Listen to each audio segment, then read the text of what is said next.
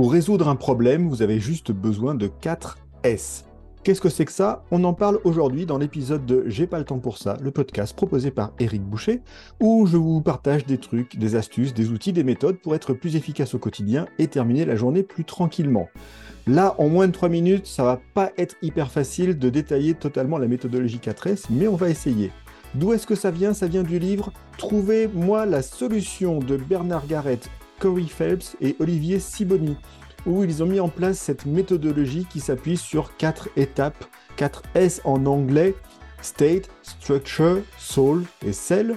Donc en bon français, définir où on est, structurer, résoudre et vendre. On va regarder ces étapes une par une pour vous expliquer ce que cela veut dire. Première étape, l'énoncé du problème. On va essayer de définir la portée. Et pour cela, on peut s'appuyer notamment sur une structure qui est définie comme TOSCA. En bon anglais, encore une fois, Trouble, Honor, Success Criteria, Constraints et Actors. Et en bon français, le problème, le propriétaire, les critères de réussite, les contraintes et les acteurs.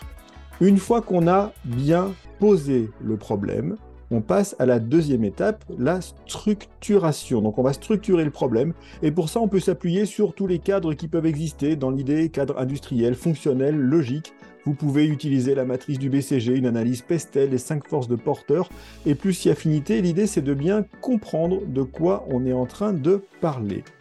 Une fois que la structure est posée, on passe à l'étape dite de résolution dans laquelle on va collecter et analyser des données de la manière la plus interfonctionnelle possible. L'idée, c'est de pouvoir trouver des solutions qui vont découler logiquement de l'analyse et qui répondent à l'énoncé du problème.